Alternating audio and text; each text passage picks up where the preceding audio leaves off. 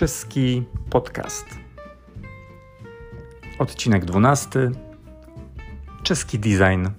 Część druga. Dzień dobry, witajcie, ahoj.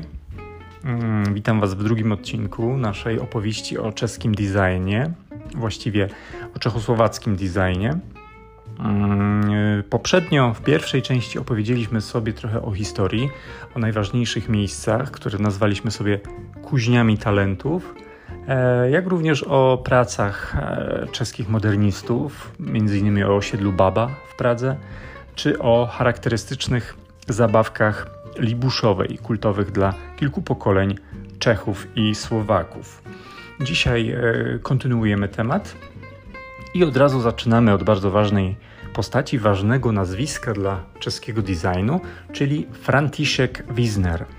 Franciszek Wisner mm, to absolwent e, tej właśnie kuźni talentów, o której sobie mówiliśmy ostatnio, czyli UEMPRU. E,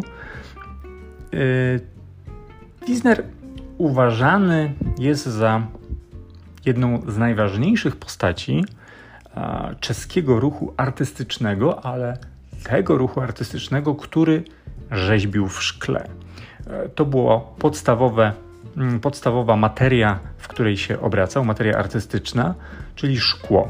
E, jego prace, zarówno te z lat 60., 70. czy 80., do dziś uważane są za ikoniczne mm, dla całego europejskiego designu, a nawet, jak przeczytałem, e, za paradygmaty nowoczesnego designu. Mm, najbardziej popularne są jego charakterystyczne rzeźbione misy e, o wyjątkowym kształcie. Mm, polecam Wam e, zerknąć na mm, e, wyszukiwarkę internetową, wpisując Franciszek Wisner. Możemy zobaczyć bardzo ciekawe prace, zwłaszcza, zwłaszcza polecam w Waszej uwadze owe misy. E, następnym nazwiskiem, i tutaj dalej posługujemy się postaciami ikonicznymi i dorobkiem ikonicznym, e, Jindřich Halabala. Urodził się na początku XX wieku na Morawach, niedaleko Brna, w rodzinie o tradycjach rzemieślniczych, konkretnie stolarskich. I to ugruntowało ten kierunek jego późniejszej kariery. Halabala kształcił się w szkole stolarskiej w miejscowości Walaskie Mezyrzyci, mm, czyli w wołoskim Międzyrzeczu, a później e, w Zjednoczonych Zakładach Sztuki i Przemysłu w Brnie. Studiował także na Praskiej e, Akademii Sztuk Pięknych. E, jego meble do dzisiaj są często wybierane do różnego rodzaju wnętrz, głównie do wnętrz, które określilibyśmy mianem nowoczesnych. Tak często e, nazywamy e, ten styl, choć co ciekawe, bardzo często te pomysły e, mają już około 100 lat, czasami nawet ponad 100 lat. I to pokazuje w zasadzie, jak wizjonerskie były ówczesne prace, że do dzisiaj, mimo już mamy już mm, rok 2022, tamten dorobek nazywamy nowoczesnym. Halabala zresztą mm, uważał, jak większość e, ówczesnych modernistów, że meble, czy jakikolwiek w zasadzie wytwór designu powinien być idealnie wykończony, funkcjonalny, modułowy, najlepiej mobilny, a przede wszystkim dostępny dla każdego. To są te ideały, które towarzyszyły wtedy większości szkół e, modernistycznych, e, designerskich w Europie i do dzisiaj zauważmy, że mm, pod tymi hasłami mogłaby podpisać się chociażby IKEA.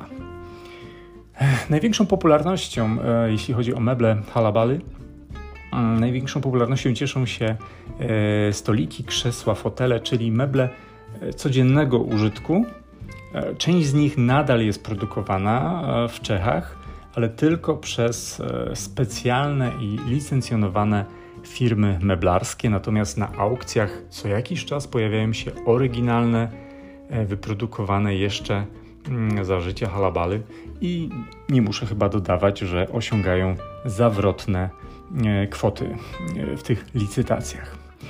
Ok, zostawmy meble może coś z produktów odzieżowych. O tym sobie jeszcze nie mówiliśmy, a jeśli odzież, jeśli Czechy, jeśli Czechosłowacja, no i jeśli design, to Botas.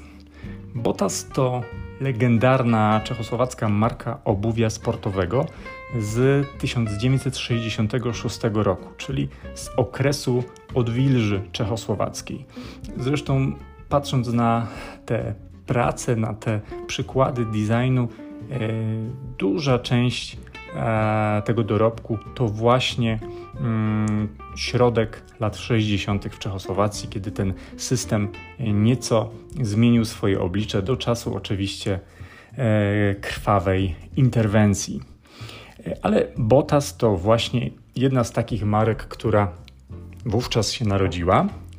E, zresztą najbardziej legendarny model tych butów nazywa się właśnie Botas Classic 66.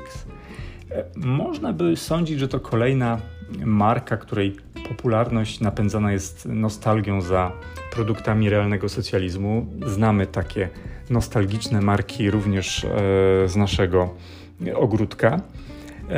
Natomiast jeśli chodzi o firmę Botas, mm, w roku 2008 Została ona wprowadzona, jak to się e, pisało wówczas e, w XXI wiek, i nowe modele tego brandu emanują nowoczesnością, oczywiście z pewnym nawiązaniem do tej klasyki z lat 60., natomiast e, próżno tu szukać jakiegoś odcinania kuponów od tego, co było. Polecam wszystkim, sprawdźcie markę czeskich butów sportowych Botas. Na koniec coś, co lubię najbardziej, czyli logotypy. Mm, jak zapewne wiecie, y, logotyp naszego podcastu jest bardzo prosty, minimalistyczny. Y, to, to po prostu napis czeski podcast, utrzymany w barwach y, niebiesko-czerwonych, e, z pewnym emotikonowym uśmieszkiem w literze O. I zapewne nie wszyscy wiedzą, że jest to wprost nawiązanie do jednego z najważniejszych czeskich czy czechosłowackich symbolów XX wieku.